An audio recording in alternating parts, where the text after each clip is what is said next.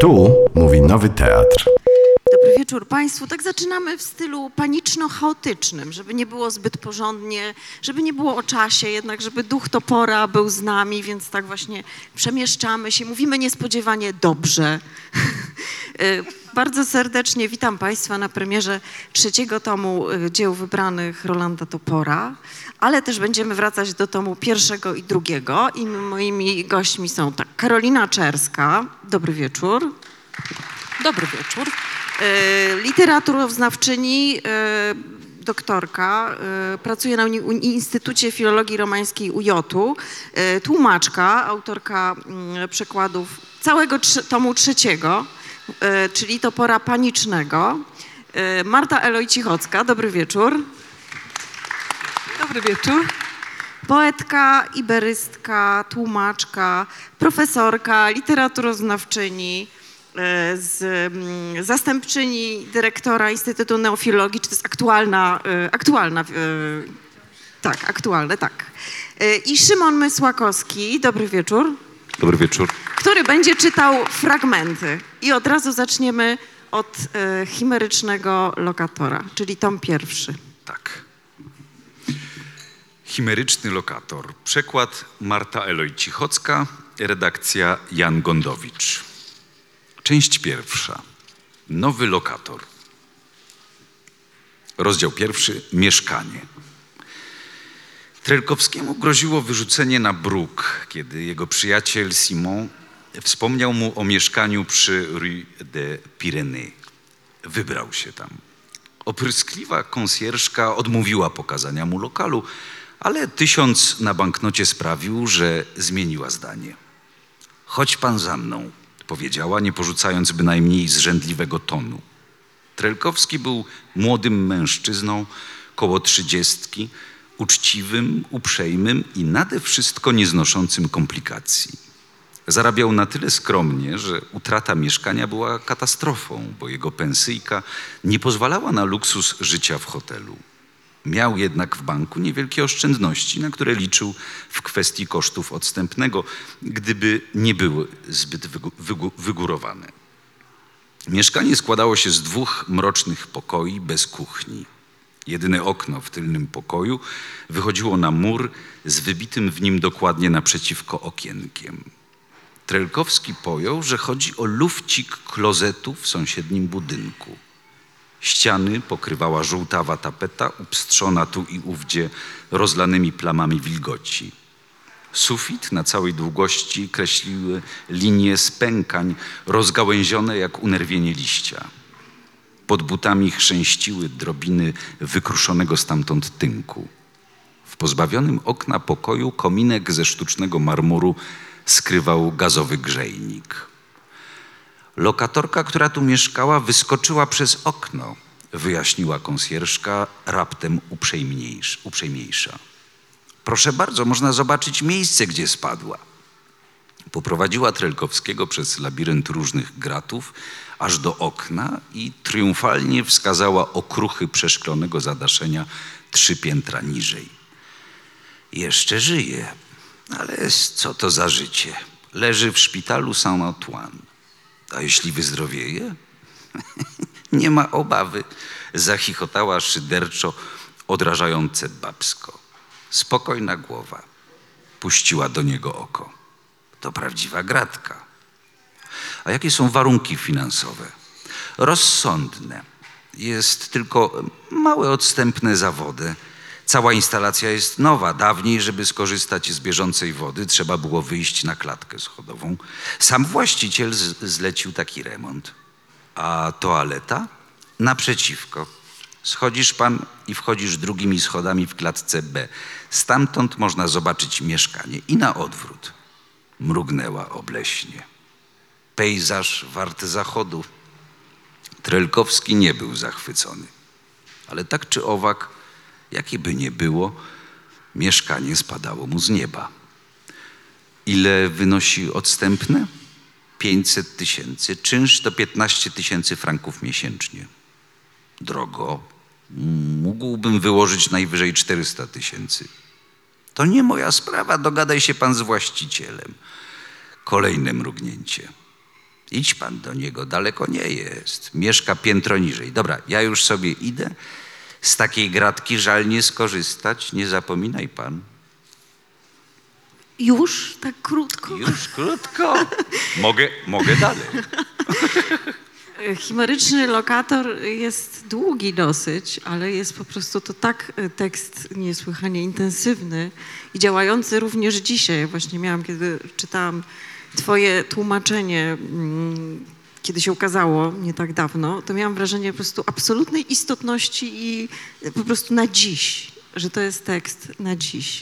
Powiedz o tym e, powtórnym przekładzie, jak ci, jak ci, jak ci było z tym. Czy jest wydawca? Jest, słucha. To ja muszę jakąś taką politycznie poprawną wersję. Albo było tak strasznie? Y, Nie, nie, nie, znaczy st- st- straszne. Ym, Po pierwsze, y, ja nie wiem, czy to dość mocno i wyraźnie wybrzmiało w tym biogramie, który czy- ty czytałaś. Ja, proszę Państwa, oficjalnie jestem iberystką i się tego nie wstydzę, y, więc pierwsza taka transgresja polegała na tym, że iberystka została zatrudniona przez ekscentrycznego wydawcę do ponownego przekładu książki napisanej po francusku. Y, No i ja jestem, y, ja jestem owszem iberystką, jestem też frankofilką i w ogóle cała zabawa polegała na tym, że ja studiowałam we Francji, mieszkałam w tej Francji dobre kilka lat, właściwie prawie dekadę. Y, I dla mnie powrót, znaczy inaczej, zaproszenie do tłumaczenia, ponownego tłumaczenia tego Locataire Chimérique to był powrót do przyszłości w jakimś sensie, czyli, czyli do tej Francji, do tego Paryża ukochanego, którym tam gdzieś no, cały czas mam pod powiekami. Natomiast y, straszne było właściwie to, że to się jakoś zbiegało z pandemią, że, że, że, że, że czasowo jakoś trudno było mi to ogarnąć, ale z takich zupełnie prozaicznych y, przyczyn, mianowicie o ile pandemia dla tłumaczy, którzy mają willę z ogrodem, y, mają na przykład dzieci, była błogosławieństwem, bo wszyscy ci tłumacze i poeci, i pisarze wyszli z jakimiś nowymi, nowymi prawda, dorobkiem wzbogaconym, o ile o tyle dla, dla takich osób jak ja, czyli osób, które mają owszem dzieci, ale nie mają tych willi z ogrodem, tylko się właśnie tą pandemią musieliśmy spędzić na bardzo ograniczonym metrażu. No to po prostu walka, to była walka o czas, walka o skupienie, nie wiadomo było, co robić z tymi dziećmi i tak dalej, więc to była, to była ogólnie walka. Przy czym potwierdzam y, twoje, Justyno, odczucie. Y, właśnie rozdział za rozdziałem miałam wrażenie, że ta książka jest przerażająco aktualna. Y, równie przerażająco aktualna w, y, w ro- rozdziale dotyczącym opisu choroby, fizycznego opisu choroby, osoby, która jest chora, którą przyszywają dreszcze, która nie wie, czy, czy umrze, czy nie, jak i przerażająco aktualna w tych wszystkich takich aluzjach historyczno-społecznych dotyczących różnych sąsiadek, które miały bardzo ciemne oczy, które musiały sprzedać swój majątek, żeby gdzieś się zahaczyć w tym Paryżu i też były właśnie w każdej chwili mogły stracić y, miejsce, w którym się czuły bezpieczne, więc więc to było, no to było, to było mocne przeżycie. Yy, Na szczęście chyba moje tłumaczenie, które się bardzo odwlekało w czasie, było chyba jednak szybsze niż redakcja. Ja tym możemy powiedzieć, bo Jana Kondowicza jeszcze chyba tutaj nie widzę. No ale gener- generalnie, generalnie i, i, aha, i jeszcze też, bo nie zadałaś pytania właśnie dlaczego, po co to nowe tłumaczenie, też właśnie miałam takie wewnętrzne pytania, czy ja aby na pewno tłumaczę to, czy to jest konieczne, żeby tłumaczyć tę książkę ponownie. No, ale odpowiedziałam sobie na to pozytywnie, y, mniej więcej w połowie. I zabrzmiało, i zabrzmiało. Y, Pierwszy tom to jest tom chimeryczny, drugi obsceniczny, a trzeci paniczny. To zacznijmy może od tej y, grupy panicznej. Y, Czym ona była, czym nie była i, i jak to było. 62 rok. Tak. jako, że jesteś tłumaczką tomu panicznego, Tak, ale nie, jakby nie śledzę i nie jestem jakby specjalistką od historii grupy panicznej, ale y, to, co wiem, mogę tutaj faktycznie y, powiedzieć. Y, Chyba na fali takiego protestu wobec bardzo długiej listy reguł grupy surrealistów y, już po wojnie, y, po II wojnie, ale wciąż z André Bretonem y, na czele. Młody Topor z kolegami, z Arabalem, z Jodorowskim, więc całe grono albo o korzeniach niefrancuskich, tak jak Topor, y, jego rodzice byli Polakami, on urodził się we Francji, y, ale koledzy nie byli Francuzami, więc też ta otwartość Topora na, na inne narodowości chyba w całej jego twórczości też jest jakąś taką istotną zasadą. Y, Postanawiają stworzyć swoją grupę, grupę paniczną. Y, Ta nazwa wiąże się z Bogiem Panem, ale w zasadzie tam reguł nie było. I, i to jakby na pewno była taka silna opozycja wobec y, nurtu surrealizmu surrealizmu, który przynajmniej we Francji te reguły miał takie bardzo ściśle przez Bretona wytyczone. E, I ja akurat e, tłumacząc te teksty mm, Topora do trzeciego tomu, e, mm, no nie znałam, nie, nie znałam e, e, jego twórczości e, bardzo szczegółowo i do tej pory w sumie tak jest. Zresztą e, celowo e, zaczęłam lekturę pierwszego i drugiego tomu dopiero po tym, jak złożyłam swoje własne teksty i też nie chciałam czytać starych tłumaczeń tych tekstów, które teraz tłumaczyłam na nowo przed, y, przed tym, jak sama jakby nie, nie zmierzyłam się y, z tą twórczością. Po prostu bałam się tego, że te wpływy tego, co już zostało opublikowane, będą zbyt mocne. Em, ale kiedy, kiedy jakby weszłam w ten kontakt y, z tekstami Topora y, z taką chęcią jakby zaobserwowania tego, jakie na mnie to wywrze wrażenie, jakby nie czytanie o historii, znałam naprawdę fragmenty, znałam fragmenty abecadła, jakby z wyimkami tekstów Topora i z komentarzami Agnieszki Taborskiej. Y, No, znałam Lokatora, ale wtedy tylko z adaptacji y, filmowej, z filmu Polańskiego. Ale przede wszystkim znałam y, film Markiz. E, Nie wiem, czy, czy Państwu ten film jest znany. Film z lat 80. Topor był współtwórcą tego filmu i tam głównym bohaterem jest Markiz de Sade y, uwięziony w Bastylii, który prowadzi dialogi y, z własnym penisem i, i to jest jedyna jakby postać o ludzkiej twarzy, a reszta ma maski zwierzęce. Plus y, ta taka graficzna odsłona twórczości Topora, nawet chyba bardziej to mi było znane. Y, I jakby tutaj ten trend z takiego powodu, że skoro y, został przywołany surrealizm francuski, to warto wspomnieć o belgijskim surrealizmie, bo akurat ja Belgię kocham bardzo. Jakby piwo, literatura i malarstwo to Belgia zdecydowanie. I y, tłumacząc te teksty Topora, wielokrotnie miałam takie odczucie, że jemu jest jakoś do tej Belgii blisko.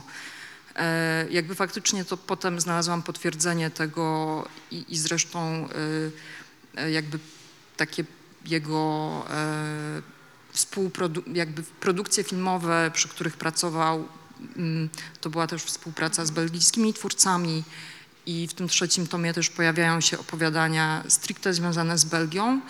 E, A ten belgijski surrealizm e, w latach 20. i 30.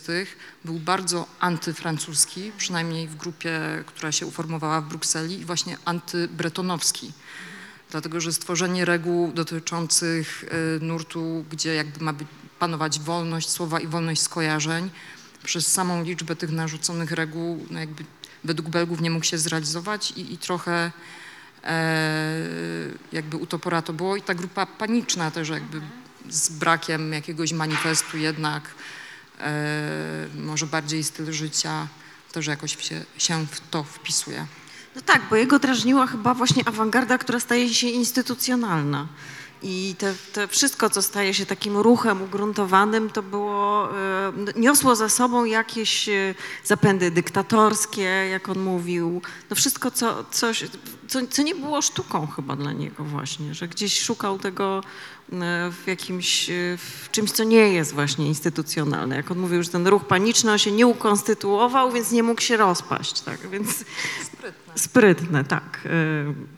E, To zacznijmy może od tych wyznań starego Buca, które właśnie są takim opisem historii awangardy przez niejakiego Rolanda Topora, który to wszystko stworzył. E, Przy czym właśnie tam można też e, te, te jego różne niechęci wyczytać. Ale od razu w tytule jest, bo w tym poprzednim tłumaczeniu były wyznania starego wała, a u ciebie jest Bądź pierdoły. Tak, Bądź to była pierdoły. cała dyskusja y, z wydawcą, z redaktorką, co, co zrobić y, właśnie z tytułem i no, po wielu dyskusjach jednak zapadła zgoda, że może przejść buc.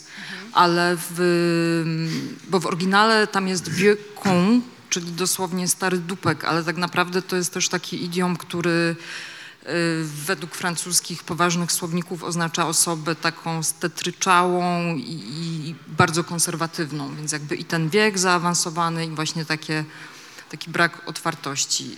Buc nie do końca to oddaje, ale myślę, że to polskie słowo oddaje wiele cech y, narratora tego tekstu. Jest to powieść y, napisana w pierwszej osobie i y, no, tam chyba nie pada nigdy nazwisko Topor, ale jest imię Roland.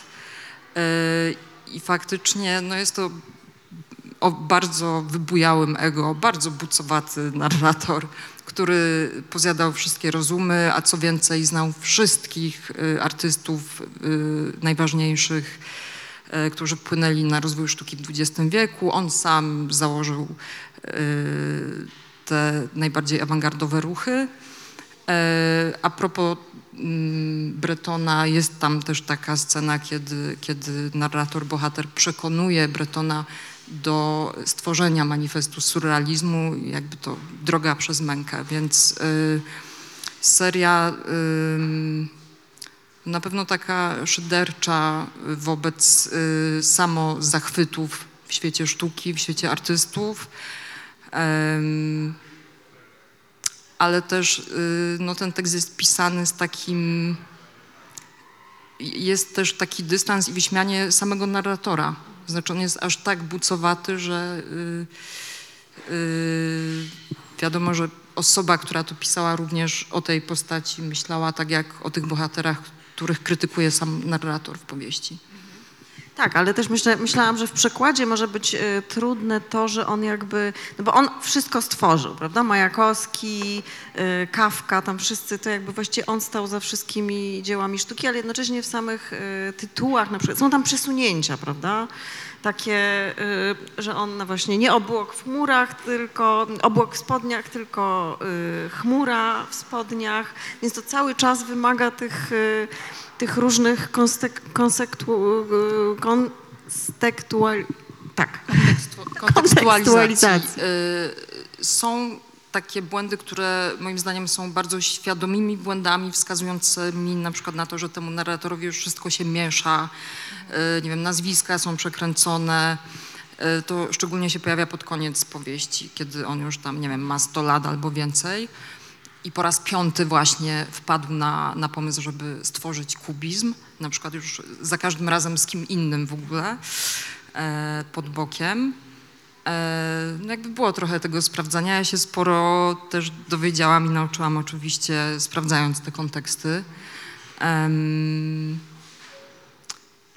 I myślę, że ten tekst, y, y, że ta powieść jest bardzo zabawna, może być bardzo zabawna, szczególnie dla osób, które jednak y, trochę przynajmniej się orientują w historii awangard, w historii sztuki XX wieku.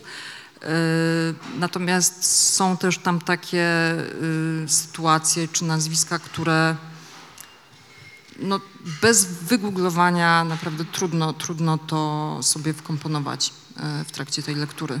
Więc jakby z pewnością w momencie, kiedy ta powieść się ukazała we Francji, to, to musiała dla wielkiego grona czytelników być bardzo czytelna. Wszystkie te aluzje i konteksty.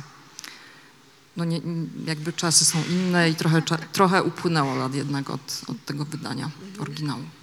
E, Marta, ty byłaś redaktorką całości, więc ty po prostu z tym e, toporem tego nie. Tego Akurat właśnie nie. tego I powiem nie. ci, że ja tego, tego wieką, tego buca teraz czytałam w pociągu, więc mam go bardzo na świeżo. A mogę E, tylko coś, przepraszam, wtrącić? tak. Redaktorka jest obecna tutaj, Jagoda A Grudzień. właśnie, właśnie, pani Jagodo. Jagoda Grudzień, która zresztą e, pojawia się w e, przypisie, która też jest, ma, miał, no, miała duży wpływ, co jeszcze będziemy o tym mówić właśnie nad e, kształtem. No, ale właśnie chciałam, chciałam powiedzieć, że to jest bardzo dużo smaczku, bo to są też takie przesunięcia typu na przykład bardzo znana poetka, która nazywa się Rainer Maria Rilke. To też mi się bardzo podobało. Fantastyczne są te takie smaczki. Yy, A z drugiej strony też się zastanawiałam, bo, bo, bo myślę, że cała zabawa z toporem jest taka, że on jednak jest yy, zawsze dwuznaczny albo jest piętrowy.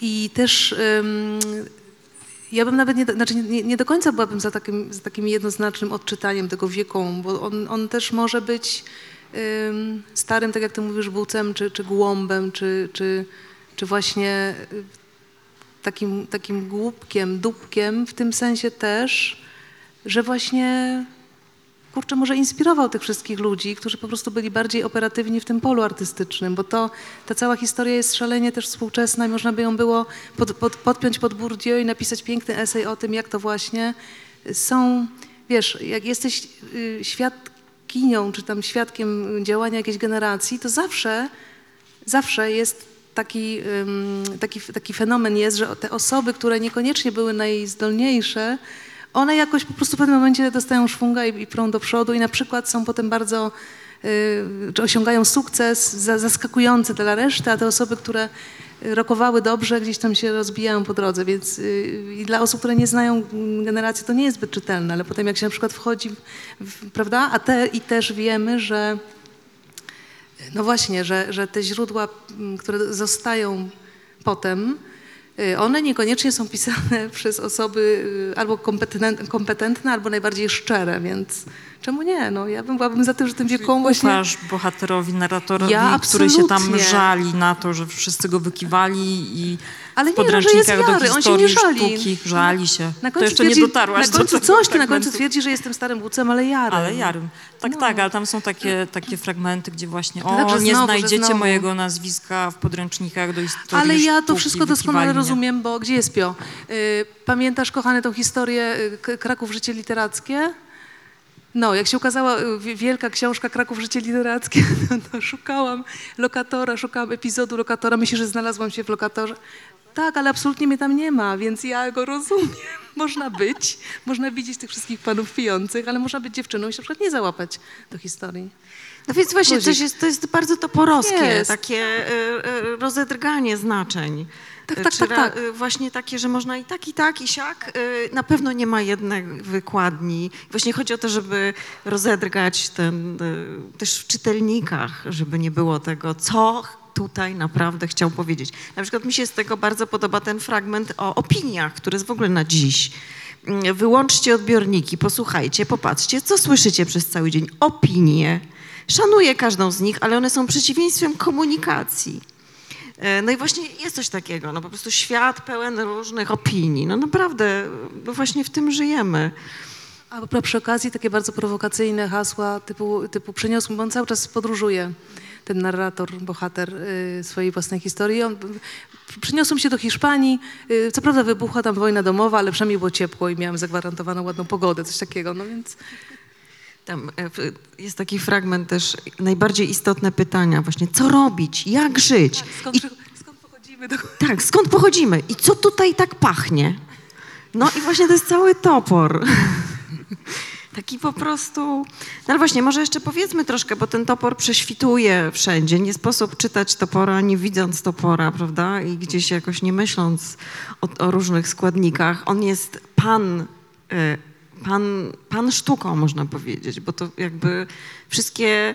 Znaczy on mówi, że tylko muzyki nie. No niestety nie miał muzycznych talentów, ale rysował y, film, scenografia, y, no, no, reżyseria, pisanie, wszystko naraz. Wszystko to by mu Wszystkie- teraz nie przeszkadzało. Brak muzycznego talentu. W tej chwili już mógłby być DJ-em. Je- Był we wszystkich dziedzinach i jakby wszystko mu się to y, łączyło. A, a w tym wszystkim jeszcze był on. Jeśli mogę teraz coś wtrącić, y, tak o moim osobistym doświadczeniu właśnie jakby mierzenia się z tym tekstem. Y, Mimo, że tam znałam film i jakby kojarzyłam i bardzo ceniłam y, rysunki Topora, y, właśnie tego dla mnie nie było, kiedy pracowałam nad tekstem. Y, Miał, jakby właśnie zależało mi na tym, żeby był sam tekst. Jakby tekst ma mnie przekonać. Co z tego dzisiaj wynika, jeśli ja nie znam wszystkich kontekstów, nie znałam Topora, jakby nie znam super szczegółowo życiorysu. Potem bardzo chętnie, i teraz to właśnie robię, jakby sobie wracam do, do tekstów, dobudowuję, doczytuję i, i jakoś mi się to uzupełnia. I teraz też y, jakby nie mam takiej obawy, że mogłoby to za bardzo wpłynąć na moją pracę jakoś mnie zasugerować. Natomiast y, był topor w tej pracy, ale topor jako człowiek. Nie jako artysta różnych dziedzin, tylko właśnie taki, taki ludzki bardzo czynnik. E, no bo i w, i w Bucu, i tam w opowiadaniach, i w, no w tych tekstach z trzeciego tomu, jak i w wielu innych tekstach Topora te wątki biograficzne obok wymyślonych albo rozbuchanych, dopowiedzianych, podkoloryzowanych są. E, więc oczywiście możemy tam się domyślać albo zgadywać, które są takie z życia wzięte, stricte. E, no ja miałam parę takich momentów takiego zatrzymania się w trakcie pracy, kiedy tak jakby mm, jakby to, to nie ma jakoś metafizycznie zabrzmieć, bo w ogóle to nie miało takiego charakteru, ale takie, że aż po prostu zatrzymywałam się i, i, mm, i czułam jakby życie topora za tym. Takie, ale właśnie nie chodzi mi o, o biografię, tylko nie wiem jak to nazwać. Marta, wiesz o co mi chodzi? Ale taką witalność, takie, takie jeszcze coś innego. Nie. Może taką niewesołość. O. tak. No bo jakby śmiechu jest dużo i, i takiej karytury, i, i satyry, i, i przegięcia, i to jest bardzo zabawne, ale jest coś takiego, co jakby nie wiem, to nie jest ani smutek, ani melancholia, tylko taka niewesołość i jest takie zatrzymanie yy, nad taką powagą jakby życia i wiem, że to napisał konkretny autor, jakby, który musiał mieć też i takie doświadczenia i to było takie dosyć mocne. No to może powiedzmy o tym jego życiu, bo ono właśnie jest w tym trzecim tomie, ale też jest przecież Trelkowski, e, tym, bycie tym jednak kimś z innym nazwiskiem, nie francuskim. No tak, tak, tak. To jest bardzo ważne u niego, w Jest- jego doświadczeniu. Ja sobie sprawdziłam, wiesz, y, słuchając was, właśnie sobie sprawdziłam, jak tam się nam ta, ta nasza współpraca redaktorska układała, bo rzeczywiście y, tutaj jednak każdą książkę redagował ktoś inny i ja redagowałam drugi tom, ten teatralny, natomiast pierwszy redagował y, Jan Gondowicz, ten nasz, ten nasz pierwszy. Y, I myślę, że tutaj też y, się wspaniale uzupełnialiśmy pod tym kątem. Tak jeszcze ci nie odpowiadam na, na, na, pytanie, bo, bo ja tłumacząc prozę byłam potem odpowiedzialna za redagowanie sztuk teatralnych i też notabene też miałam dość podobne, teraz jak, jak, jak, jak już jak wspomniałaś o tym takim smutku, też miałam podobne wrażenia, że, że za tą taką farsą z pierwszej, przy pierwszym wrażeniu, za, ty, za tymi obrazami takimi ym, absurdalnymi, że może być mieszkanie, w którym jest y, dziewczyna, która zarabia, ale nie zarabia za dużo i ona, żeby jakoś sobie poradzić, to wynajmuje przestrzeń pod stołem. Jakiemuś innemu, jeszcze większemu biedakowi, którego z kolei nie stać na mieszkanie, na, na wynajęcie sobie mieszkania, więc, więc za tym wszystkim też myślałam sobie, że jest jakaś obserwacja y, po prostu y, no, sytuacji y, socjopolitycznej być może też. I przypominałam sobie, bo jednak, jednak y, im dłużej żyjemy, tym bardziej po prostu się konfrontujemy też, też z własną biografią. Przypomniałam sobie mianowicie, proszę Państwa, jak to y, właśnie jako ta studentka w, w, gdzieś tam we Francji trafiłam w końcu tego Paryża wyśnionego i w tym Paryżu dosłownie, jeszcze przed wejściem Polski do Unii Europejskiej, miałam ci ja wizję coś w rodzaju drabiny Jakubowej, dosłownie. Mianowicie zobaczyłam drabinę społeczną. Słuchajcie, tak jak w Normandii studiując nie miałam wizji drabiny społecznej, tak po prostu Paryż mi ją ustawił przed nosem. się okazało, że ho, ho, ho, ile ja tam się będę musiała po tej drabinie społecznej wspinać, a gdzieś na, na wyżynach z mojej perspektywy był pan Kazimierz Piekarec, z którym pracował w Radiu Kraków, boże Radio Kraków, w Radio France, Radio Kraków. Y, I, no, i tam gdzieś wędrowałam do niego z jakimiś pierwszymi przykładami, więc, więc tak, tak, po prostu y, y, cały, cały ten smutek emigrancki, czy też ta świadomość, że się jednak właśnie nie jest członkiem tej pierwszej, cały czas a, a propos pola literackiego, prawda, że, jak, że jakby mając ogromny talent, ten topor nie jest członkiem tej pierwszej ligi, tylko ewentualnie może piątej i, i, i musi wymyślić coś takiego naprawdę y, jakby nie może grać tymi kartami, te karty są znaczone, cały czas są znaczone, więc trzeba by wymyślić coś, co po prostu rozwala cały system. Tak. No tak, no bo jego rodzice przyjechali w latach 30. Ojciec wygrał jakiś konkurs tam na konkurs i zostali z Polski. I on mówił, że, że ten polski z jidysz mu się myliły, co zresztą y, widać w jednym z, w kilku tekstach gdzieś jest, są, są te ślady. Ale on jakby, no i musiał się ukrywać w czasie wojny gdzieś na wsi, więc jeszcze ta sytuacja ukrywania się. Ale to, co on mówił, że y, jest ciekawy, co mówią cudzoziemcy w Paryżu. I w ogóle to jego nastawienie na cudzoziemców. I muszę powiedzieć, że miałam z tym do czynienia, ponieważ w 96, 95 trafiłam do y, Akatone, czyli do tego te, y, kina mm, prowadzonego przez polskiego pisarza Kazika Chęczla, który wyjechał z Polski i trafił do grupy y, Topora właśnie jako ten Polak. Tam wszyscy byli skądś. No i tam trafiłam do tej piwnicy, e, jako tam przerażona w ogóle ma, mała Polka. I oczywiście przywitał mnie śmiech topora, a potem oni byli bardzo ciekawi, jaką ja historię opowiem. oczywiście nie mówiłam po francusku, więc coś tam dukałam po polsku i po angielsku, ale było to właśnie takie zbiorowisko ludzi, którzy byli ciekawi czyjejś historii. Nie stąd, nie z Paryża. Chociaż Paryż też był dla niego ważny, niesłychanie. Ale to nastawienie na cudzoziemców też widać e, w trzecim tomie w różnych, w różnych tekstach. Co by tu powiedzieć? To, y, to zacznę, jednak y, może do Paryża bym nawiązała, bo tutaj przychodzi mi coś do głowy. E, A jednocześnie ta taka, y, ten buzujący różnymi językami miks znowu kojarzy mi się z Belgią. E, Belgią, gdzie są trzy oficjalne języki, i, a Bruksela w ogóle jest i, i, wtedy też była jeszcze za życia Topora y, no jak duże miasto i wielokulturowe. E, więc tak, no dobrze, wycieczka do Belgii, ale y, Paryż na pewno był istotny, bo ta topografia Paryża y, jest też jakimś, no Paryż jest też bohaterem y, tekstów. Y, I myślę, że to też może być ciekawe dzisiaj y, w trakcie lektury. A najlepiej sobie w ogóle zabrać, y, tak, zdecydowanie polskie przykłady, polskie wydania to pora do Paryża i, i tam spacerując sobie czytać. No więc z pewnością był związany z tym miastem, a jednocześnie właśnie ta otwartość i takie wsłuchiwanie się w inne głosy, właśnie różnych klas,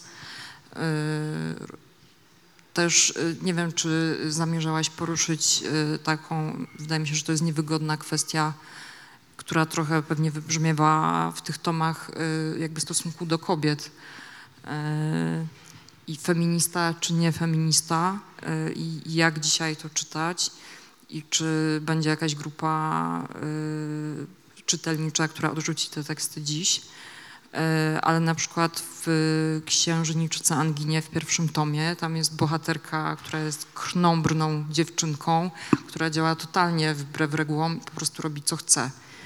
Więc y, jest ta ogromna wolność i, i swoboda dana jednak y, dziewczynce, co nie zmienia faktu, że no różne portrety kobiet się przewijają przez te teksty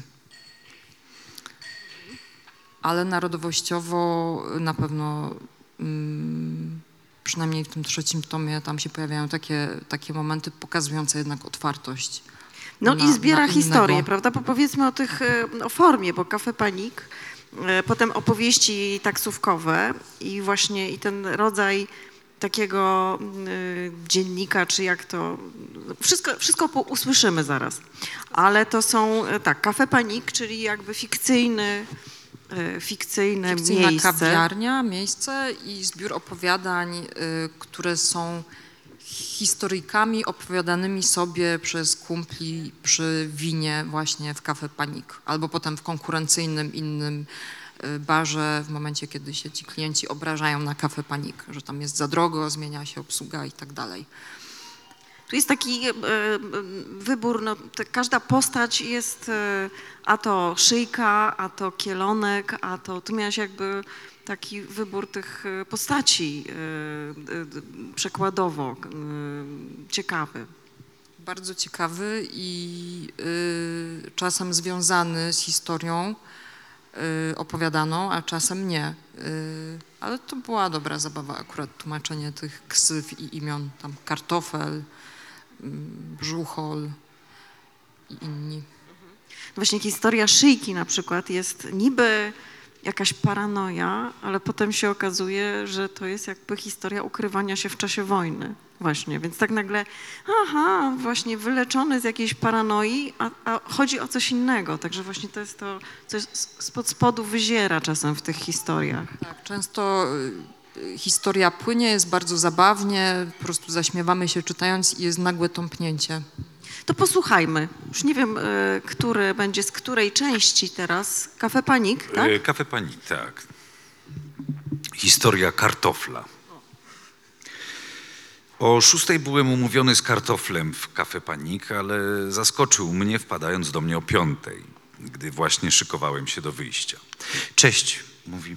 E, Wolałem od razu wpaść, żeby móc wrócić wcześniej i się spakować. Dzięki czemu na weekend wyjadę jeszcze dziś wieczór, żeby e, móc wrócić w niedzielę wieczorem zamiast w poniedziałek, co da mi możliwość od razu zacząć robotę w willi i od razu podpisać umowę na tournée, które będę miał tej wiosny, a nie latem, co pozwoli mi przygotować już w czerwcu mój wrzesień, dzięki czemu wezmę ślub w Boże Narodzenie, a nie w Nowy Rok. I tym samym jeszcze pod koniec roku będę mógł wyruszyć w podróż przewidzianą na rok następny. W rezultacie odnowię dzierżawę, która wygaśnie zaraz po moim powrocie ze Stanów Zjednoczonych. Mniej więcej wtedy będziemy już mieć pierwsze dziecko, a drugie się urodzi, zanim Jean-Marie zacznie służbę wojskową, co jest bądź co bądź praktyczniejsze. Nie mówiąc już o tym, że mój brat, który powinien wtedy być z powrotem, niewątpliwie będzie miał obsuwę. I- I tu jest ryzyko, że wszystko się skomplikuje. Wtedy zamieszkamy w małej chatce w Mount La Jolie, gdzie będę mógł spokojnie doczekać wieku emerytalnego. Znaczy, Nie, żebym się nudził, ale muszę już zmykać. Przez tę moją e, manię gadania mam poślizg. No dobrze, do widzenia. Życz mi szczęścia, przyda się. Uprzedzano mnie, że ten kartofel sam się prosi o kłopoty, ale nie podejrzewałem, że aż tak. Historia złośnika. Złośnik kiepsko wyglądał, skulony na końcu ławki, tuż pod reklamą Pernoda. Pomstował głucho, przygryzając brzeg pustego kieliszka. Napijesz się czegoś? Zaproponowałem, licząc, że go udobrucham. Jeśli bardzo chcesz, burknął odpychająco. Zamówiłem dwa kieliszki Saint-Emilion, ten nagrodzony rocznik, poproszę, a potem spróbowałem wydusić z niego o co chodzi. Coś nie gra? Moje prawko. Jebany egzaminator. Dwunasty raz oblałem. Ale przecież jeździsz autem. Nawet mnie podwiozłeś w ubiegłym tygodniu na bazar przy Hotel de Ville. Machnął ręką z wściekłością. Nie chodzi o brykę. Mówię o prawku na psy. Właśnie ustalili, że to kurestwo jest obowiązkowe. Bez prawka nie możesz nawet wyjść z psem, żeby się odlał. Mniejszym rasom, uważasz sobie, dają bez problemu. Ale prawko na doga niemieckiego to już sprawa wagi ciężkiej. Popatrzyłem na niego osłupiały. A trudno je dostać? No to zależy, wiesz. Musisz przejść określoną trasę z egzaminatorem i to bezbłędnie. Potem on sprawdza ci podeszwy. Jeśli wdepnąłeś, to koniec. A ty wdepnąłeś? Ależ skąd? Zdenerwował się. To nie było gówno, tylko odbarwienie od gazety, w którą zawijam buty. Nie miałem odwagi zapytać go, co to była za gazeta. I potem już będą tak, te opowieści taksówkowe, które, taxi stories, i które będą osobno. Y, Tak sobie myślę, no właśnie, że topor trochę wy, wychodzi poza te określenia, które zwykłe, zwykle się wobec niego. Będziesz y, jeszcze, y, nie wiem, czy tobie mogę zadawać pytanie. Nie, nie, nie. Chodzi o to, mm, chodzi o to, wiesz, o takie pojęcia typu absurd, czarny humor, że on z tego też jakby się mm, wymyka Ale zawsze. wiesz, ale, ale ta historia też może być odczytywana jako coś przerażającego, dlatego że dla wszystkich osób, które zaznały jakiejkolwiek formy y, rządów autorytarnych, czy jakiejkolwiek formy y, sterowania społecznością ludzką, czy tam inżynierii społecznej, to to, co on tutaj, to, tutaj opisuje, to w ogóle jest wręcz inspirowane f- f- faktami, nie? Można pewnego dnia móc wejść do parku, a można pewnego dnia nie móc wejść do parku. Tak sobie przypomniałam, słuchając y, ciebie wcześniej, że, że w Paryżu nie tak słuchajcie dawno temu, bo tak myślę, że z jakieś pięć lat temu, w porywach do sześciu, siedmiu, merostwo się w ogóle odważyło i zorganizowało taką wystawę wspominkową. Jak wiadomo, temat traktowania społeczności żydowskiej we Francji do dzisiaj jest, znaczy jakby niby wiadomo, wszyscy wiedzą wszystko, ale jakby to nie jest taki temat chętnie poruszany. Yy, Natomiast bardzo chętnie się porusza yy, inne tematy, na przykład polskiego antysemityzmu, nie? Yy, I pamiętam taką wstrząsającą wystawę, jednak w tym merostwie właśnie zorganizowaną i to był taki, to był, jej tematem było traktowanie, znaczy już nie pamiętam tytułu, ale jakby dzie- dzie- dzie- dzieci żydowskie w czasie wojny, coś takiego, że to był taki temat właśnie poświęcony dzieciom.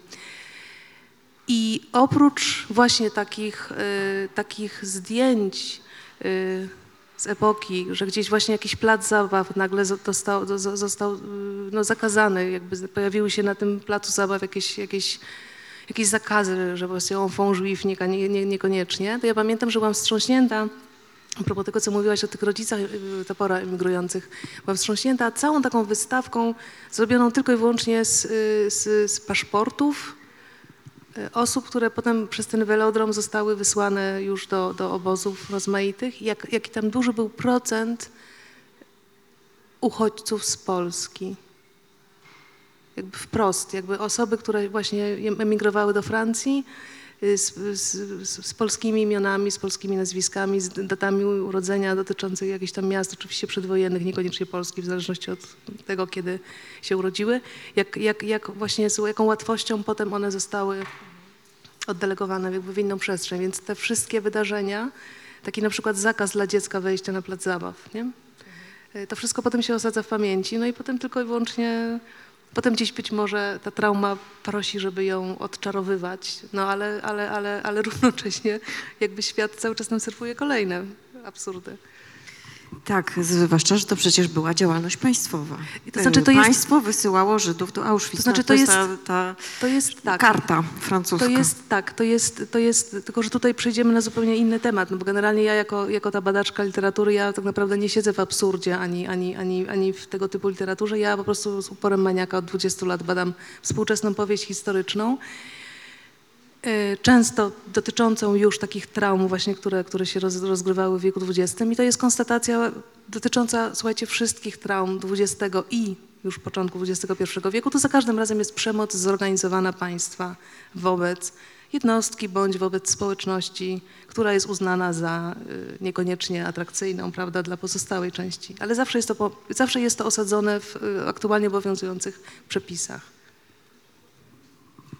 A ja mam fragment, yy, tak odnośnie do twojego pytania, absurd, śmiech i wyjście poza to, ponieważ wydaje mi się, że w, yy, w punkt trafił yy, autor posłowia trzeciego tomu, Tomasz yy, Wiśniewski i yy, Chyba gdzieś tu pozwolę jest. sobie przeczytać fragment.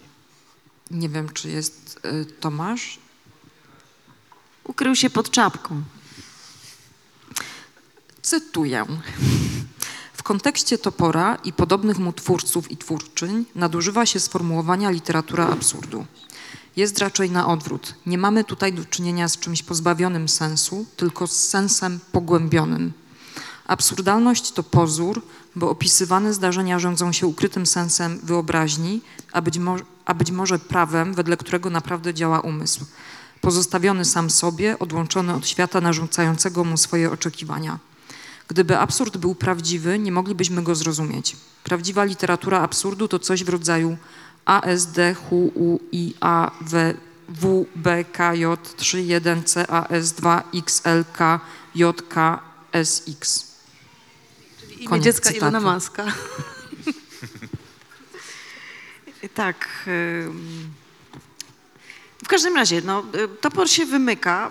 Myślę, że to coś, o czym pisała Agnieszka Taborska w archipelagach y, topora, najważniejsze dla niego było, i to też w jego myśleniu o sztuce, znaczy to, że y, zwycięża dydaktyzm, a on jest absolutnie przeciwko, co też go bardzo zbliża do współczesności, gdzie mamy, właściwie dzisiaj mamy coraz większy dydaktyzm. Jeżeli coś nie jest słuszne, jeżeli coś nie jest zgodne z naszym światopoglądem, to w ogóle albo trzeba to ocenzurować, albo nie powinno istnieć. To jest Albo dydaktyzm. Tak, tymczasem y, Topor był przeciwko. Czy ten dydaktyzm go, to było coś dla niego najgorszego, co może być y, w sztuce. Tak sobie pomyślałam, że dzisiaj po prostu byłby cały ocenzurowany po prostu. No tak, no ale to, to znowu z perspektywy tego po prostu pola literackiego, to, to, tego, co się w tym polu literackim w danym momencie y, kiełbasi, no to można zauważyć taką też prawidłowość, że te, że te, te postaci, które są bardzo faworyzowane przez pole literackie i zbierają te takie tak zwane tłuste koty danej epoki, one, y, ciekawe jest to, że właśnie te postaci z marginesu prędzej czy później wchodzą do środka, kiedy te tłuste koty już, y, ju- ju- już jakby cały system, który je wspiera, y, umiera bądź ustępuje. I z perspektywy czasu często jest tak, że, że to właśnie te osoby z marginesu nagle się stają głosami danej epoki. No, na przykład Kawka, y, na przykład Topor. No, ten Topor dla nas jakoś cały czas nam się wydaje coraz bardziej aktualny, coraz bardziej aktualny coraz bardziej aktualny, prawda? Tak, może się okazać tłustym kotem. To znaczy, nie, nie, chodzi o to, że właśnie tłuste koty są tak osadzone w systemie, który je wspiera, że nie bardzo, nie bardzo ma, mają chyba przestrzeń, żeby się do tego systemu zdystansować, no chyba, że jest ktoś y, takim sprytnym tłustym kotem, który tak szybko zmienia skórę jak Picasso, czyli jakby, za, jakby, jakby wyprzedza, sam jakby sa- sam dystansuje się wobec tego, co zdobył, prawda? No, natomiast, natomiast dla osób, które są, dla artystów, dla, dla twórców, dla, dla, dla pisarzy, dla poetów, dla dramaturgów i tak dalej, którzy raz, że tworzą na marginesie, dwa, tworzą w takich enklawach złożonych z cudzoziemców, w kraju też, który jest, y, no Francja jest fantastyczna, jestem absolutną frankofilką, natomiast obcowanie z francuskimi twórcami jest, no jest niesamowite, ponieważ oni jakby... y, oni jakby odcinają wciąż kupony, kupony od tego, co, co, co przyniósł Złoty Wiek prawda, i, i, i renesans, jakby nie zauważając, że być może serce danej kultury czy literatury współczesnej bije w ogóle gdzie indziej. Natomiast no, ciężko jest się do Francuza z tą myślą przebić, czego na przykład, bo ja teraz cytuję generalnie posłowie y, z jednej książek Adama Zagajewskiego, który przez Paryż przecież też przemknął i równie szybko wyjechał stamtąd, bo tam się po prostu nie dało. Tak, no właśnie, a to zbiorowisko koło Topora było ciekawe, prawda, że reżyserzy, właśnie pisarz z Polski, który tutaj niespecjalnie był znany, tam chyba też nie zrobił ten Henschel, nie mam pojęcia, co się z nim dzieje, czy on dalej pisze, ale, no ale właśnie zrobił takie grono marginalne, a jednocześnie sam Topor, jeżeli się patrzy, e, z kim on na przykład pracował, a to z Felinim przy Kasanowie, a to, no właściwie cały czas jakby w jakimś centrum sztuki, no przy tej awangardowym filmie, przy e, Jarry e, reżyseruje. Co prawda to była jakaś wielka klapa podobno z tym Przoniakiem, ale bardzo jest ciekawe to, e, to, to Taborska tam cytowała recenzję, że to było jakieś potwornie z tą kupą na środku. Ale że on jest jakby na właśnie na marginesie, jednocześnie w tych nurtach, no z tymi ciekawymi reżyserami, z, z, ilustruje najważniejsze dzieła. Więc bardzo jest ciekawe to przenikanie się centrum i marginesu, bo on chciał być na marginesie. No tak, no, czyli tutaj wracamy do tego cytowanego już wielokrotnie starego Buca, prawda? Może się okazać, że to jest inspirowane w większej mierze faktami, niż byśmy chciały myśleć. Bardzo jest też, y, topor może być też użyteczny. To rzeczywiście napisała Taborska, ale myślę, że ten ym, fragment rasizm jest absolutnie użyteczny. Czy zamierzam też to użyć w taksówce, y, tę historię? Może, może ty opowiesz, bo czy jakby jakiej odpowiedzi udzielił bohater tej, y, tej opowieści taksówkowej? Ale może Toporowi oddać głos? Może, tylko chyba nie mamy tego akurat we fragmentach. Y, taksi? A to- to- Rasizm. Rasizm. W taksówkowych historyjkach. Musicie mi pomóc, a stro, stron. To ja pomogę. To jest strona y, 336. Bo to To rzeczywiście wszystkim nam się przyda. Kiedy usłyszymy taką opowieść w taksówce. Dobrze. Rasizm. Zamówiłem przez telefon taksówkę na stację Lamouette. Facet za kierownicą zrzędzi, bo musiał na mnie pół minuty poczekać. Ma czerwoną twarz, worki pod oczami i grzywkę a la Hitler. Oczywiście w taksówce nie można palić, a radio Luksemburg jest podkręcone na cały regulator. Mógłby pan trochę ściszyć radio, boli mnie głowa. Zgadza się, bez entuzjazmu. Arabskiego kierowcy nie odważyłby się pan o to prosić. Nie rozumiem dlaczego. Zarechotał. Przy Arabach zaciskacie pośladki ze strachu. Robicie przy nich w gacie, dlatego pozwalacie im najeżdżać nasz kraj i ustanawiać u nas ich prawo. Nie jest pan przypadkiem rasistą? Oczywiście, że jestem rasistą, proszę pana. Jestem z tego dumny. Nigdy żaden Arab ani czarnuch nie wsiądzie do mojej taksówki, żeby mi tu brudzić siedzenie. Zaczynam klasyczną argumentację, żeby podważyć jego rzekomą wyższość, ale przerywa mi. No jasne, szesnastce możecie sobie pozwolić na luksus niebycia rasistami, bo Arabów i czarnych wysyłacie biednym. W efekcie pełno ich w robotniczych dzielnicach i na przedmieściach. Ja muszę wśród nich mieszkać, już się nawet nie czuję jak u siebie. Nienawidzę ich. No nie, udaje pan groźniejszego niż, pan, niż w rzeczywistości. Zaczyna wykrzykiwać histerycznie. Kiedyś czekałem na klienta. Obok samochodu bawiły się na ulicy kolorowe dzieciaki. Wychodzę. Widzę ładną arabską dziewczynkę, ma pięć albo sześć lat. Uśmiecham się. No, sam pan widzi, że nie jest pan hamem? Niech pan poczeka. Podchodzę do niej i kilka razy walę jej w twarz. Zaczyna płakać, wtedy ja mówię: Zawołaj ojca, no już. To mu zbije mordę. Taki właśnie jestem. Milknę skonsternowany. Facet jest zadowolony, że mnie uciszył. Główkuje w poszukiwaniu jakiejś odpowiedzi, po której on się przymknie, a która podważy to, co on mówi i zawstydzi go. Oczywiście mógłbym go poprosić, żeby mnie wysadził, ale tylko by się ucieszył. Mógłby powiedzieć: Miałem rację, oto dowód. Nie wiedział, co odpowiedzieć. Nie chcę mu sprawić tej przyjemności. Pewny siebie czeka na moje argumenty i spogląda na mnie pogardliwie w lusterku wstecznym. Będzie mnie wyzywał od pedałów, komunistów, ćpunów albo Żydów, w zależności od nastroju. Zwłaszcza, że mieszkam w szesnastce. Nagle mam. Eureka. Jak długo jest pan we Francji? Chyba nie od dawna, co? Aż się dławi. Właśnie, że jestem rdzennym Francuzem. Nie wszyscy mogą powiedzieć o sobie to samo. Francja należy do kręgu chrześcijańskiego. Gdyby był pan Francuzem, zachowywałby się pan po chrześcijańsku, ale pan zdaje się nie wie, że prawie dwa tysiące lat temu Chrystus dał się ukrzyżować, żeby zbawić ludzi. Wszystkich ludzi, bez względu na rasę, pochodzenie, klasę czy poglądy. Pan ośmiesza jego ofiary. Pan nie jest Francuzem. Nakręcam się. Zaczynam gadać jak proboszcz. Spodziewał się wszystkiego, ale nie tego. Rozdziawia usta, spuszcza głowę, czekając, aż kazanie się skończy i w ogóle nie protestuje.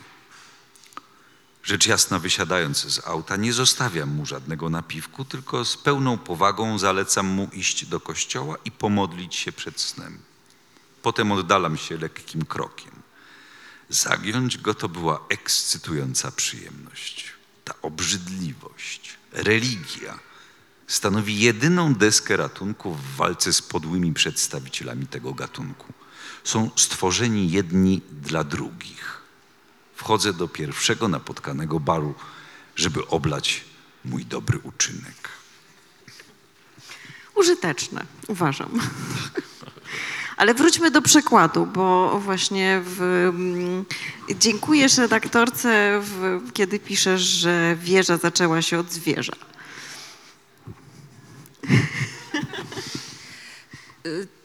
Tak. Ym, No bo są takie właśnie rzeczy, które trudno jakby bez kontekstu. No po pierwsze y, z Jagodą Grudzień, y, mm, poza tym, że się przyjaźnimy, to miałyśmy okazję kilkakrotnie pracować i po prostu jest to skarb a nie jest łatwo o dobrego redaktora. Yy, A też w sumie chyba mamy sporo zabawy w takim dialogu, jakby jest tryb śledzić recenzje, są komentarze, są poprawki, ale są wtręty i inner joke'i. Yy, I yy, no jakby tłumacząc tekst nie mam monopolu yy, na najlepsze pomysły, yy, co nie zawsze jest łatwe dla ego tłumacza, a jednocześnie jest, yy, jest z tego duża radość i to zewnętrzne spojrzenie konstruktywne. Więc ja sobie nieraz fantazjuję, co tam Jagoda ja- w komentarzach mi napisze, co poprawi i tak sobie myślę, że ona wie, na co ja się zgodzę, a na co nie, choć to chyba jest dynamiczna sytuacja. Yy, No i yy, faktycznie w tym jednym przypisie, yy, może to za mało, wybacz Jagoda, ale y, jest taki tekst, to jest w zbiorze opowiadań kolejnym w tym tomie, zaraz, nie w kafe panik, nie w taksówkowych, tylko tak, w, w ostatnim, w ostatnim tekście. No, można z angielska y, Journal in Time i taki jest zapis, ale wiedząc o tym, że jednak mamy do czynienia z francuskojęzycznym pisarzem, jakby dostrzega się od razu tę grę, że to może być Journal intime, jeśli by zapisać y, drugi i trzeci wyraz jako jedno słowo i też jakby jest ta gra znaczeń nie do oddania, gdybyśmy chcieli przełożyć to na polski, no ale skoro jest angielski zapis, to taki został w przekładzie. E, No i ja tam nie mogłam nic zgrabnego y, wymyśleć y, odnośnie do takiej zabawy topora ze słowem la tour, wieża i trou, dziura. I Jagoda wymyśliła taki właśnie językowy twist. Więc y, absolutnie był to jej pomysł i, i myślę, że on w ogóle nadał y, rytm i flow temu, temu fragmentowi zdecydowanie. A powiedz jeszcze, czy te wszystkie teksty ci się tak połączyły, czy miałaś właśnie bliżej ci do... Bo to są jakby też różne gatunki. Można powiedzieć, że te opowieści taksówkowe to są felietony. Na przykład mi się przypomniał Dygat i w ogóle też tam takie małe opowieści też nie może nic napisać. No, zupełnie jak Dygat. No, chodzi, ma tekst w głowie, ale cała oczywiście męka przy napisaniu. Też takie poczucie humoru trochę jak Dygat. No ale właśnie potem Journal Team. E, i te opowieści paniczne, czyli opowieści bohaterów, czyli bardzo różne gatunki. I y, pytasz, który Znaczy, naj, jak jakby ci się to mi najbardziej... ułożyło y, w całości? Na pewno wydawcy ułożyło się to w, w całość trzeciego tomu, e, więc tutaj ewentualnie odbiję piłeczkę na potem. E, Mnie najbardziej poruszył i chwycił ten ostatni tekst, czyli coś, co powiedzmy dla mnie będzie Journal Intime, bo właśnie tam jest takie opowiadanie, e, w którym bardzo odczułam tę niewesołość. E, Tam jest tam w zasadzie nie ma śmiechu, nie ma takiego y, puszczania oka do czytelnika. To jest fragment, w którym do bohatera przychodzi kobieta. E, I więcej nie powiem, zachęcając do, do tego, żebyście Państwo sami sobie doczytali, co tam się dzieje. I jakoś najwięcej takiej takiego życia tam jakby odnalazłam. Może jakby jest też tam mm, taka gra formą, ale chyba nie tak lekka jak w pozostałych tekstach. Y, Mam pytanie do wydawcy, czy będzie czwarty tom? Chyba już trzeba poruszyć tę kwestię. Dziękuję. Ym, Nie wiem, czy mogę odpowiedzieć na to pytanie, bo, bo marzenia wydawców są przeróżne, natomiast y, jak się za wcześnie o tych marzeniach mówi, to one potem się na przykład nie spełniają. Natomiast y, tutaj odpowiadając może na wcześniejsze pytanie, y, powiem tak, że y, lata temu, tak, na pewno każdy z Państwa Topora czytał w odpowiednim czasie, bo on był wydawany w Polsce, był tłumaczony. W zasadzie chyba wyszły wszystkie jego utwory e, w tłumaczeniu na język polski. Nie miał co prawda zbyt dużo szczęścia do wydawców, dlatego że to były raczej takie wydawnictwa, hmm, jakby to powiedzieć, lata 90., szybkie nakłady, marny papier, y, klej y, tracący ważność y, po kilku latach. W związku z tym obecnie, jeśli macie to na półkach, to lepiej tego nie wyciągać, żeby się nie rozpadło, albo już jest bardzo mocno poklejone. No i ja takie wydania też mam.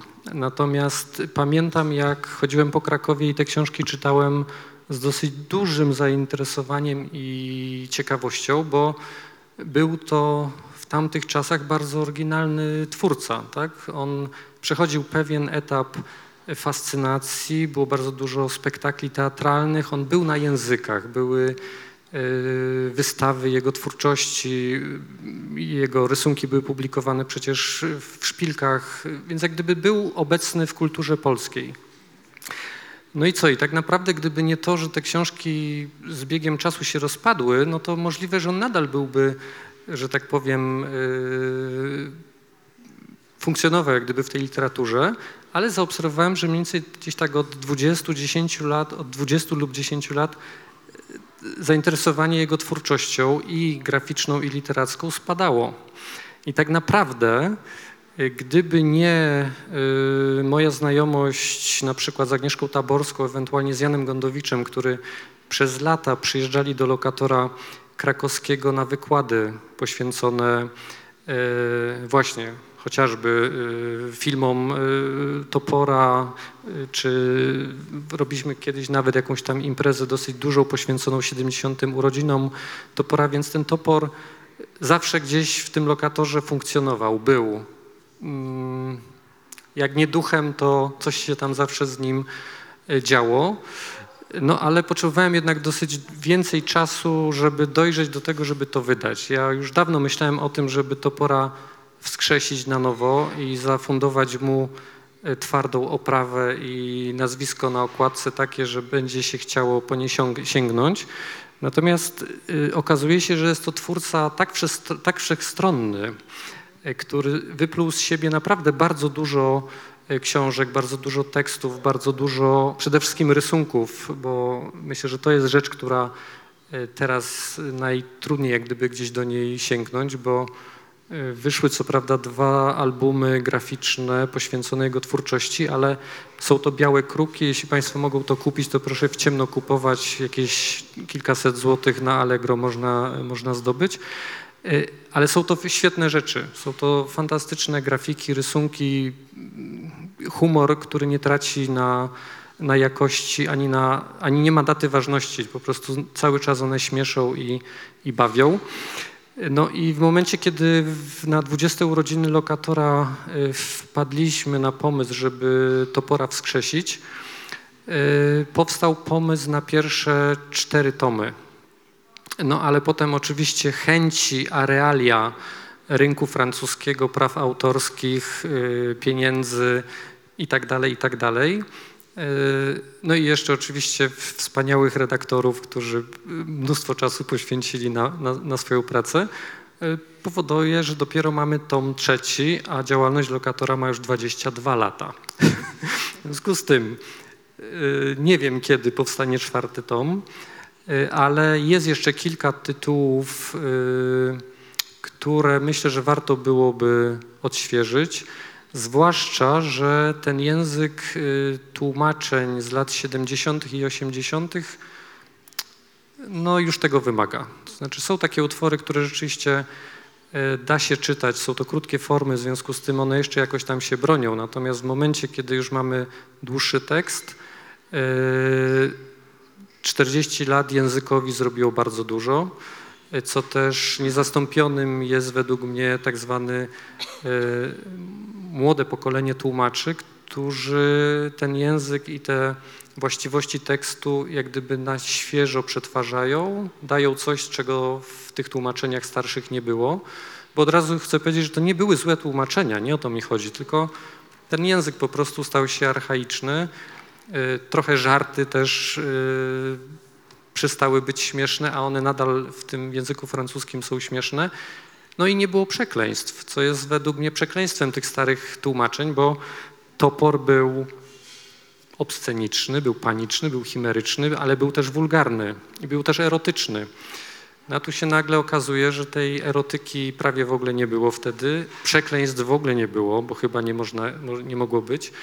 No i dzięki temu mamy teraz coś, co jest, no coś, co po prostu chyba lepiej bawi, coś, co lepiej się czyta i jest świeższe. No, ba- To tyle. bardzo przeszliśmy do wspólnej rozmowy, także od razu tak, za, zapraszamy też Państwa. Jeszcze tylko powiem rzeczywiście, że te przekleństwa są bardzo smaczne i znaczy są takie po prostu naturalne, naturalne. E, też myślę, że te wspomnienia starego Buca o wiele lepiej brzmi niż wspomnienia starego Wała. No to już Myślę, że warto też wspomnieć osoby z, z poprzednich tomów, czyli właśnie Agnieszka Taborska, która e, przełożyła dwa teksty w pierwszym tomie, Bal na Ugorze i księ- Księżniczkę. Ewa Kuczkowska przełożyła dramaty w drugim tomie, posłowie pisał Łukasz Drewniak. No jest jeszcze książka Agnieszki Taborskiej, Archipelagi Topora, też z lokatora, w której jest sporo ilustracji, więc y, warto też do niej sięgnąć właśnie, bo od razu są, są ilustracje. Niektóre myślę, że w Polsce byłyby już zakazane, jak jego pejzaż, pejzaż polski. Tego nie można w Polsce pokazywać. Naprawdę zaraz by się obudzili obrońcy moralności. W ba... Coś chciałaś powiedzieć? Tak, że w tomach z tekstami Topora też są ilustracje. Nie, no jakby w, może nie tak wielkiej ilości, ale, ale też Ale są. są. A ja jeszcze chciałam dodać, że w tym drugim tomie, którego akurat, akurat ja miałam być przyjemność redaktorką, też nam się fantastycznie z Ewą Kuczkowską y, współpracowało, ponieważ odkryłyśmy, y, że, y, że wydania książkowe dramatów różnią się znacznie od przykładów polskich, które Ewa miała, które, które, które robiła ówcześnie dla teatru. Y, Czyli okazało się, że, że autor dopracowywał swoje sztuki, dopisywał pewne sceny i wielokrotnie jakby moja praca też sprowadzała się do tego, żeby, no żeby, żeby porównywać te wersje, żeby wyłapywać te wszystkie miejsca, gdzie, y, gdzie ta to francuskie wydanie, na którym my mieliśmy bazować, było od- odzwierciedlone w nowej wersji polskiego tłumaczenia, co, co częściowo też zmieniało nam przebieg scen, czy tam dynamikę scen. To było, I to było ciekawe. No właśnie, także jest, e, jest topor, a jeszcze właśnie kiedy mm, mówiliśmy o tym dydaktyzmie i niechęci do dy- dydaktyzmu, to e, zrozumiała się staje scena z balu na Ugorze, jednej z właśnie z tekstów późnych, gdzie topor, bohater idzie i nagle atakują go książki z biblioteki pedagogicznej, z księgarni pedagogicznej i ucieka przed tymi książkami pedagogicznymi, więc y, to rzeczywiście układa się w jedną całość. Ale zapraszamy teraz też Państwa do rozmowy. Zobaczcie, że siedzą tutaj tłumacze zacni, obsypani nagrodami, świeżo. I autorzy, Autorzy, posłowiów posłowiów. i redaktorzy. redaktorki i tak. redaktorzy. To ja sobie jeszcze pozwolę tylko dodać na koniec, że y, tutaj ważną osobą, jak gdyby przy w ogóle, dla, dlaczego w ogóle ta seria powstała, tak naprawdę jest Agnieszka Taborska, która jest tak naprawdę takim łącznikiem pomiędzy nami, państwem, czytelnikami, a jeszcze żywym toporem, którego ona osobiście znała, tak? I nie ukrywam, że jej opowieści, które przywoziła do lokatora, miały bardzo duży wpływ na to, e, na tą percepcję topora. No, my już niestety urodziliśmy się w czasach, kiedy e, nie mogliśmy, znaczy było to bardzo trudne, żeby go poznać osobiście. Natomiast e, Agnieszka przywoziła te opowieści o nim, że tak powiem, z pierwszej ręki. Czyli jak gdyby była tą osobą, która tego topora tak naprawdę zaszczepiła w lokatorze. No i tak naprawdę dzięki niej y, według mnie on przetrwał. W sensie on gdzieś tam mógł jeszcze w tych y, zaułkach kawiarni, y, księgarni i, i, i książek przetrwać. No bo my tak naprawdę już możemy go poznać tylko z książek. Całe szczęście, tak jak mówię, no były to tłumaczenia kompletne, E, więc dzięki temu też był znany, ale myślę, że teraz może być jeszcze na nowo, że tak powiem, odświeżony.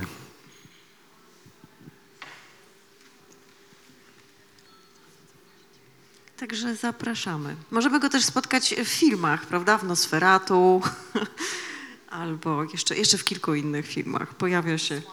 Tak, Miłości Słana. Dobrze, tak, ważna rola.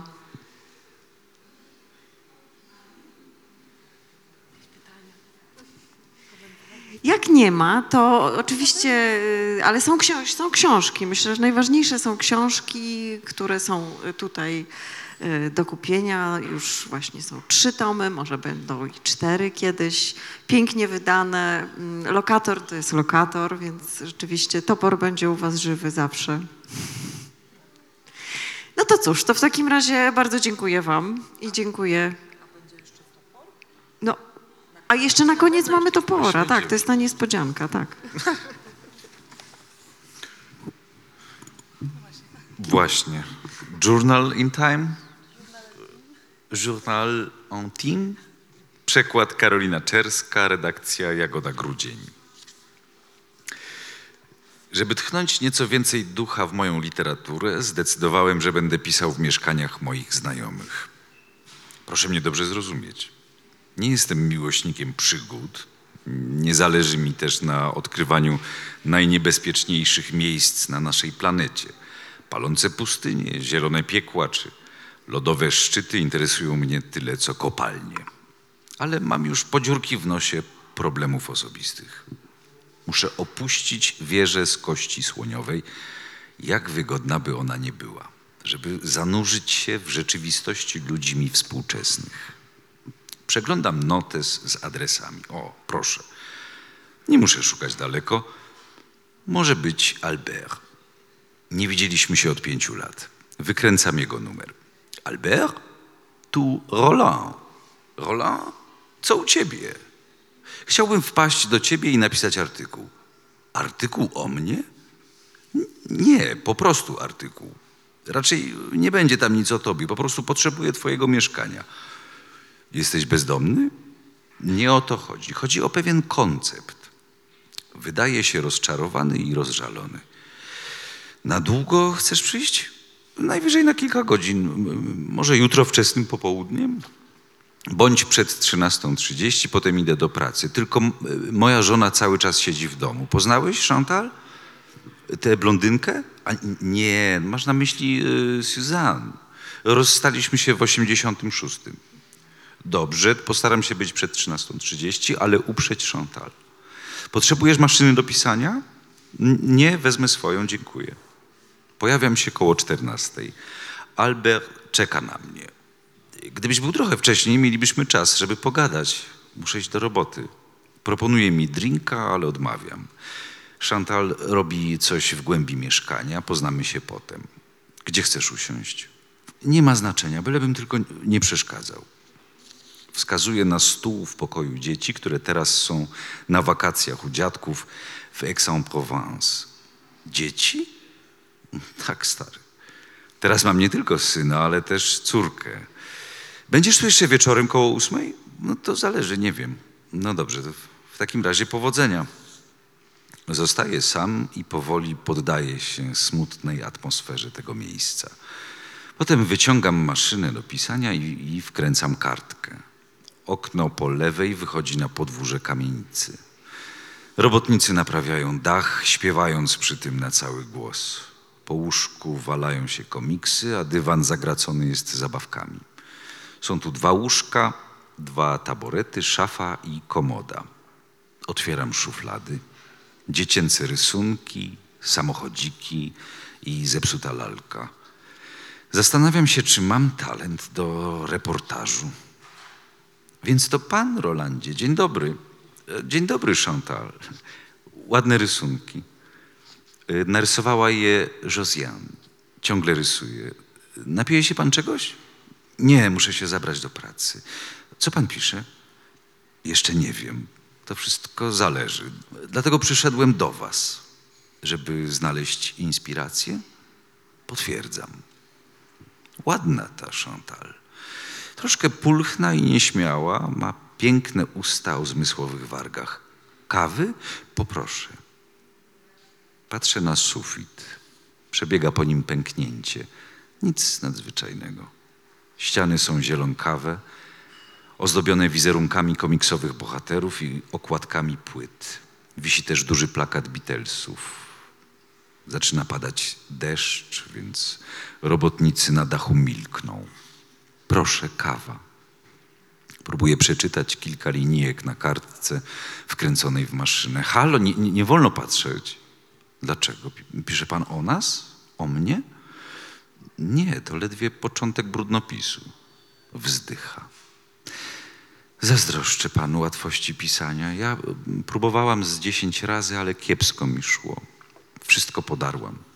Spokojna głowa, ja też drę. Jest pan bardzo skromny. Pewnego dnia, jeśli pan zechce, pokażę panu, co napisałam. Powie mi pan szczerze, co o tym myśli. Znam tylko zdanie Alberta, ale on nic z takich rzeczy nie rozumie. Dobrze, z przyjemnością. W porządku, pozwolę pan mo- może pracować. Ja już skończyłem. Szeroko otworzyła oczy. Już? To niemożliwe. Niewygodnie panu?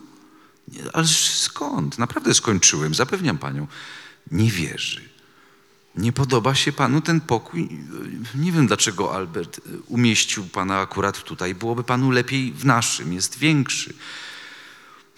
Trudno mi wyjaśnić. Wizyty u innych ludzi, żeby pisać, są słabe. Ale żeby pobzykać, całkiem niezłe. Dziękuję bardzo. Dziękujemy bardzo i dziękuję Państwu.